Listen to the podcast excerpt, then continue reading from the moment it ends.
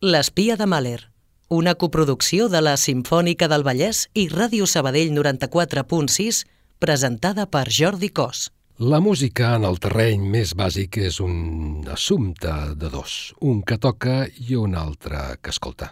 Però també és millor fer música acompanyat.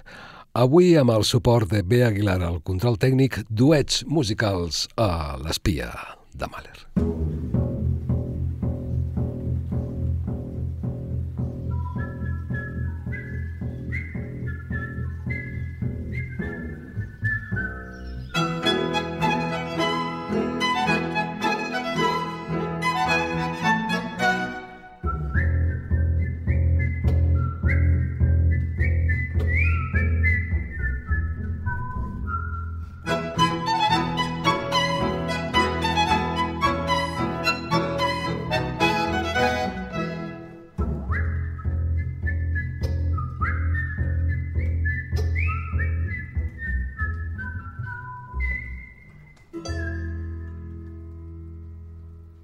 Comencem amb una parella de parents, pare i fill, el mític violinista David Oistrakh fent duet amb el seu fill, també violinista, Igor Oistrakh, Igor per alguns cinèfils.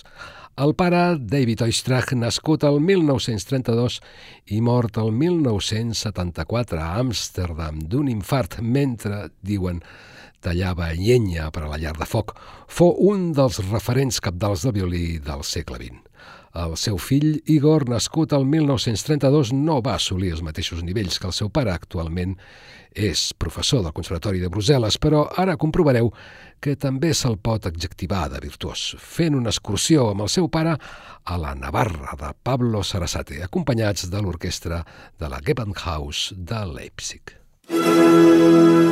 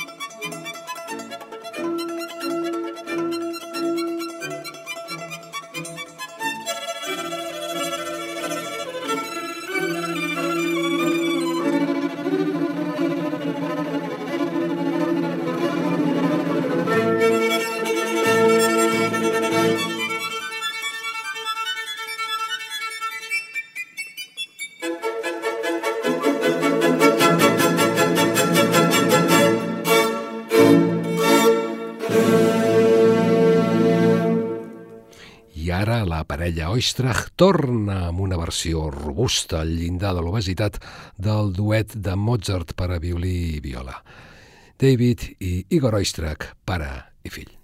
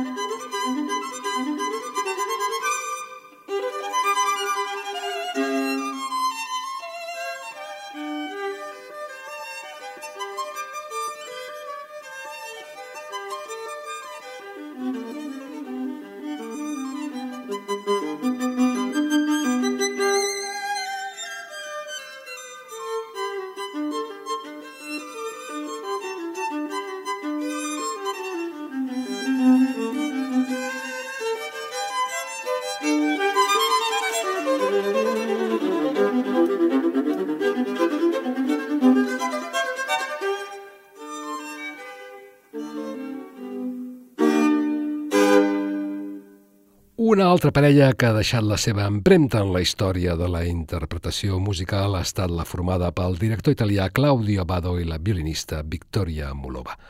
Els hi separaven i unien alhora 30 anys de diferència d'edat. El seu amor els va mantenir junts durant 5 anys, fins que Abado, molt compromès amb la seva carrera, trencà la relació amb Mulova quan ella estava embarassada del fill comú, Michael, nascut l'any 1991. I fins aquí podem llegir perquè això no és Sálvame. I només escoltarem la veu d'un altre fill, aquest musical, que recrearen la parella Abado i Mulova acomodats en el coixí de la Filarmònica de Viena, el concert per a violí de Brahms. Si teniu una esbojarrada imaginació, podeu imaginar el darrer diàleg de la parella de músics. Mira, Vicky, la meva carrera es troba en un moment decisiu i ara no em puc distreure tenint cura d'un fill. I ella, agafant el violí, li va respondre.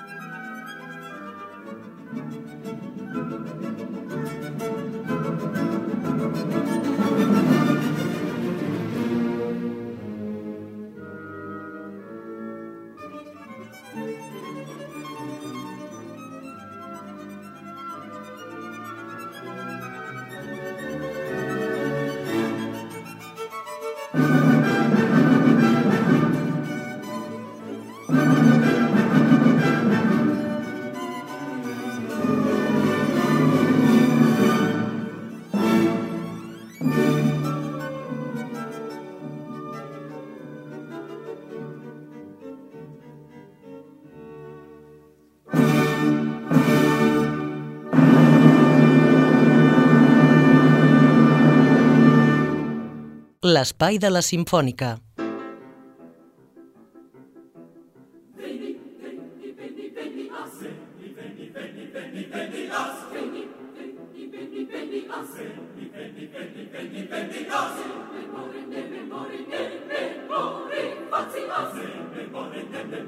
Veni, veni, veniu, veniu. Dissabte vinent 15 d'abril, poso per cas, a les dos quarts de set de la tarda al Palau de la Música Catalana de Barcelona, als Simfònics del Vallès, farem el segon concert de la gira que anualment per aquestes dates, al voltant de la Setmana Santa, aquest cop amb Carmina Burana de Karloff com a obra principal.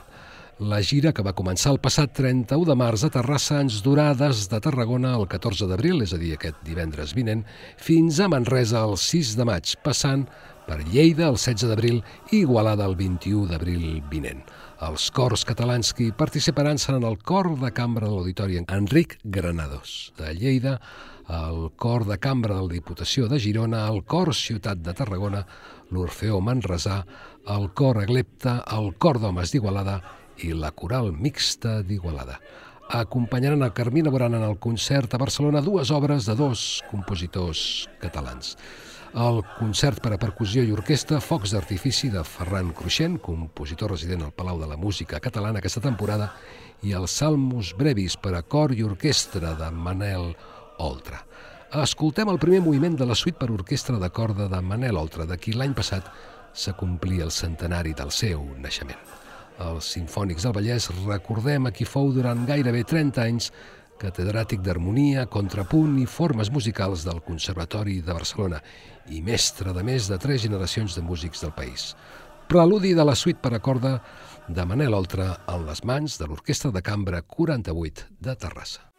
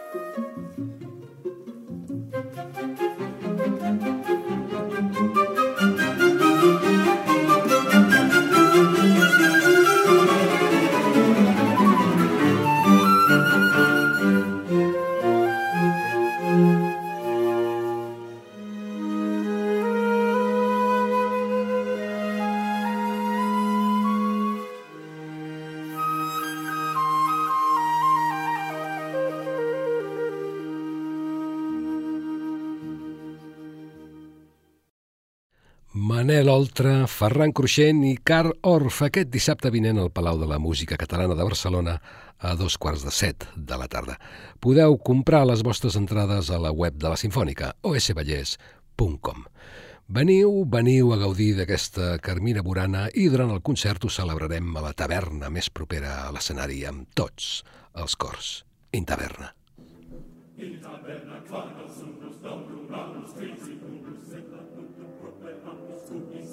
in sull'ampus, villa canton, in caverna, ubi nunus es mincena, opes opus lucre atur, si qui locra abdi atur, opes opus lucre atur, si qui locra atur. Quidam nuntum, quidam minum, quidam in descretum, minum, sedem nuntum, quidam ratum, exis quidam tecum datum, quidam in desicuntum, quidam satis intum nuntum, in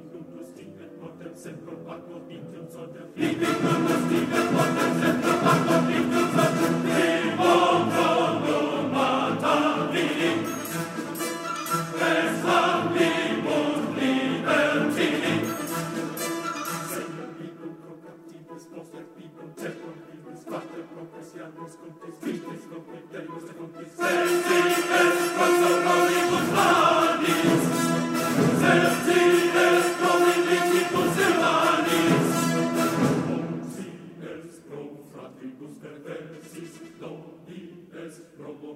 Tis verbus in dectis propter gatti plus, und dectis propter solanquibus,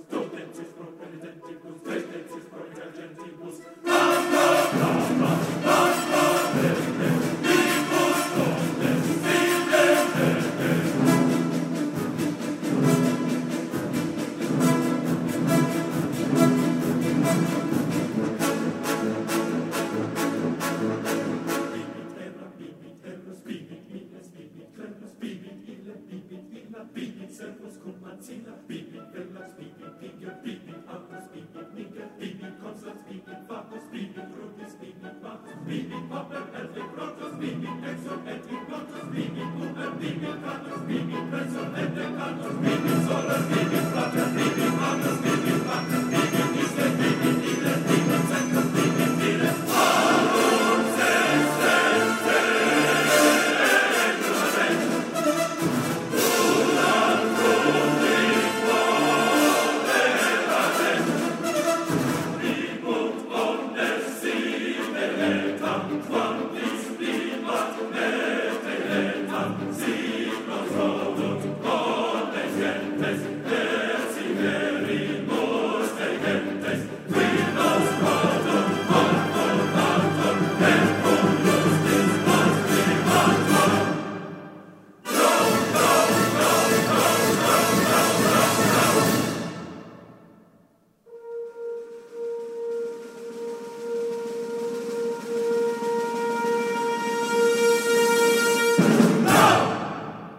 L'espia de Mahler, un programa per escoltar i aprendre a escoltar. Seguim amb música per parelles. Aquest cop és el torn d'un altre duet familiar, el de les germanes Labec, nascudes a França, Katia el 1950 i Mariel el 1952, que s'han convertit en un dels duets més prestigiosos del panorama musical del nostre temps.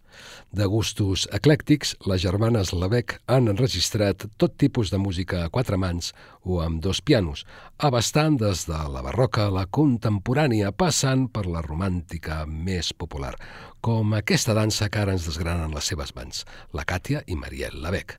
A veure si endivineu el compositor.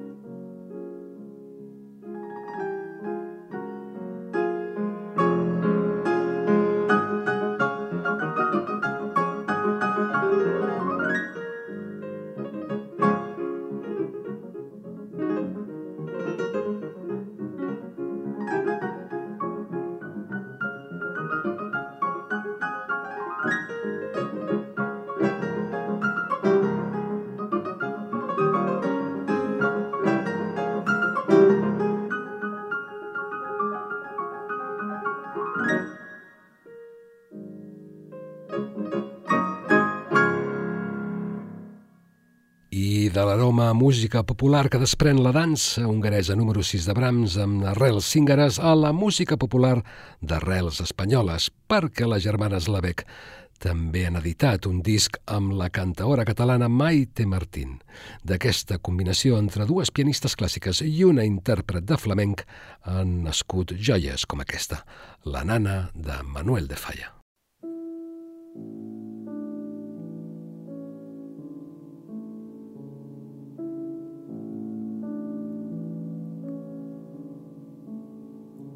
Duérmete,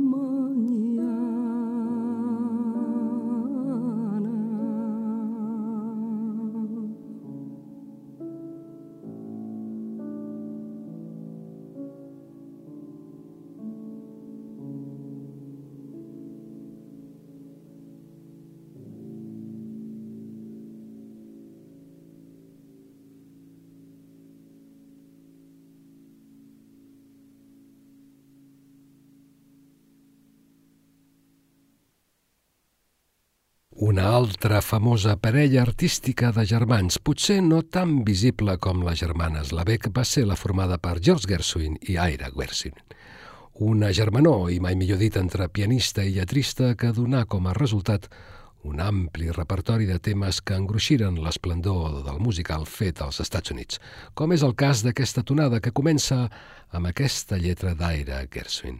Algun dia vindrà l'home que estimo i ell serà gran i fort i quan es creuin el meu camí faré el meu millor esforç perquè romani amb mi. I que sona d'aquesta marina meravellosa en la veu de Ella Fitzgerald i música de George Gershwin, quan l'escoltes, un té el pressentiment que l'home que estima no arribarà mai.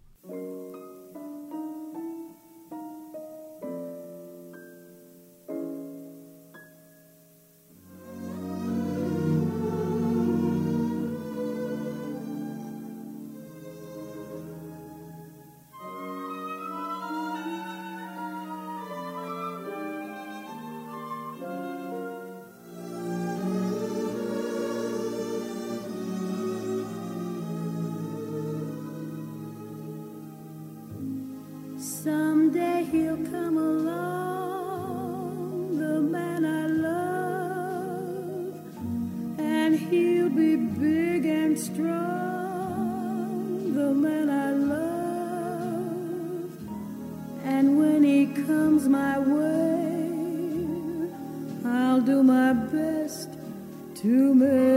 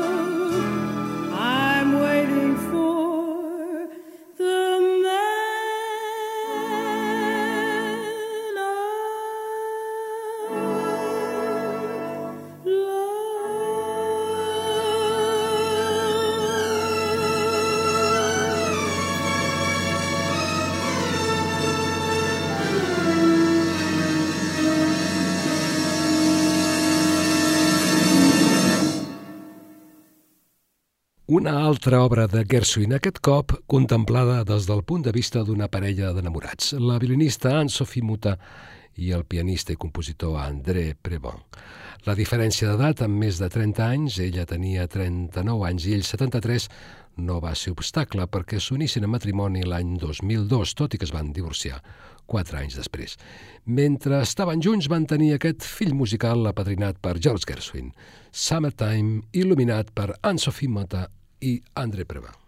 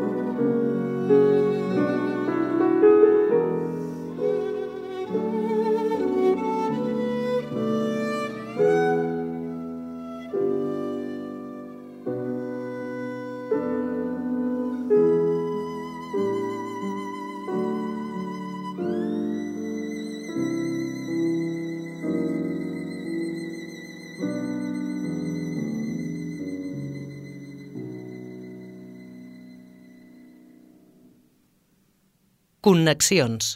Reprenem altre cop les connexions entre la música del passat i del present de la mà de l'incansable cànon de Pachelbel.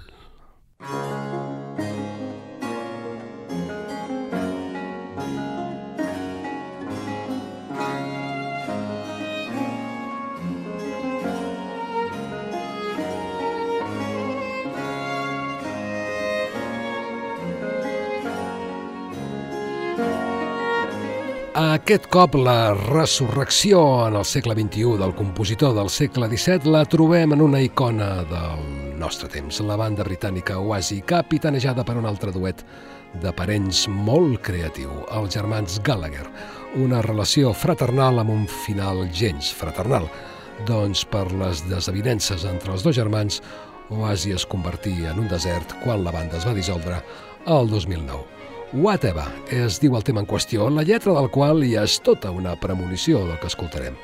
Qualsevol cosa que facis, qualsevol cosa que diguis, sí, jo sé que està bé. Fins i tot, i afegiria jo, si copio el baix del cànon del Pachelbel. Així.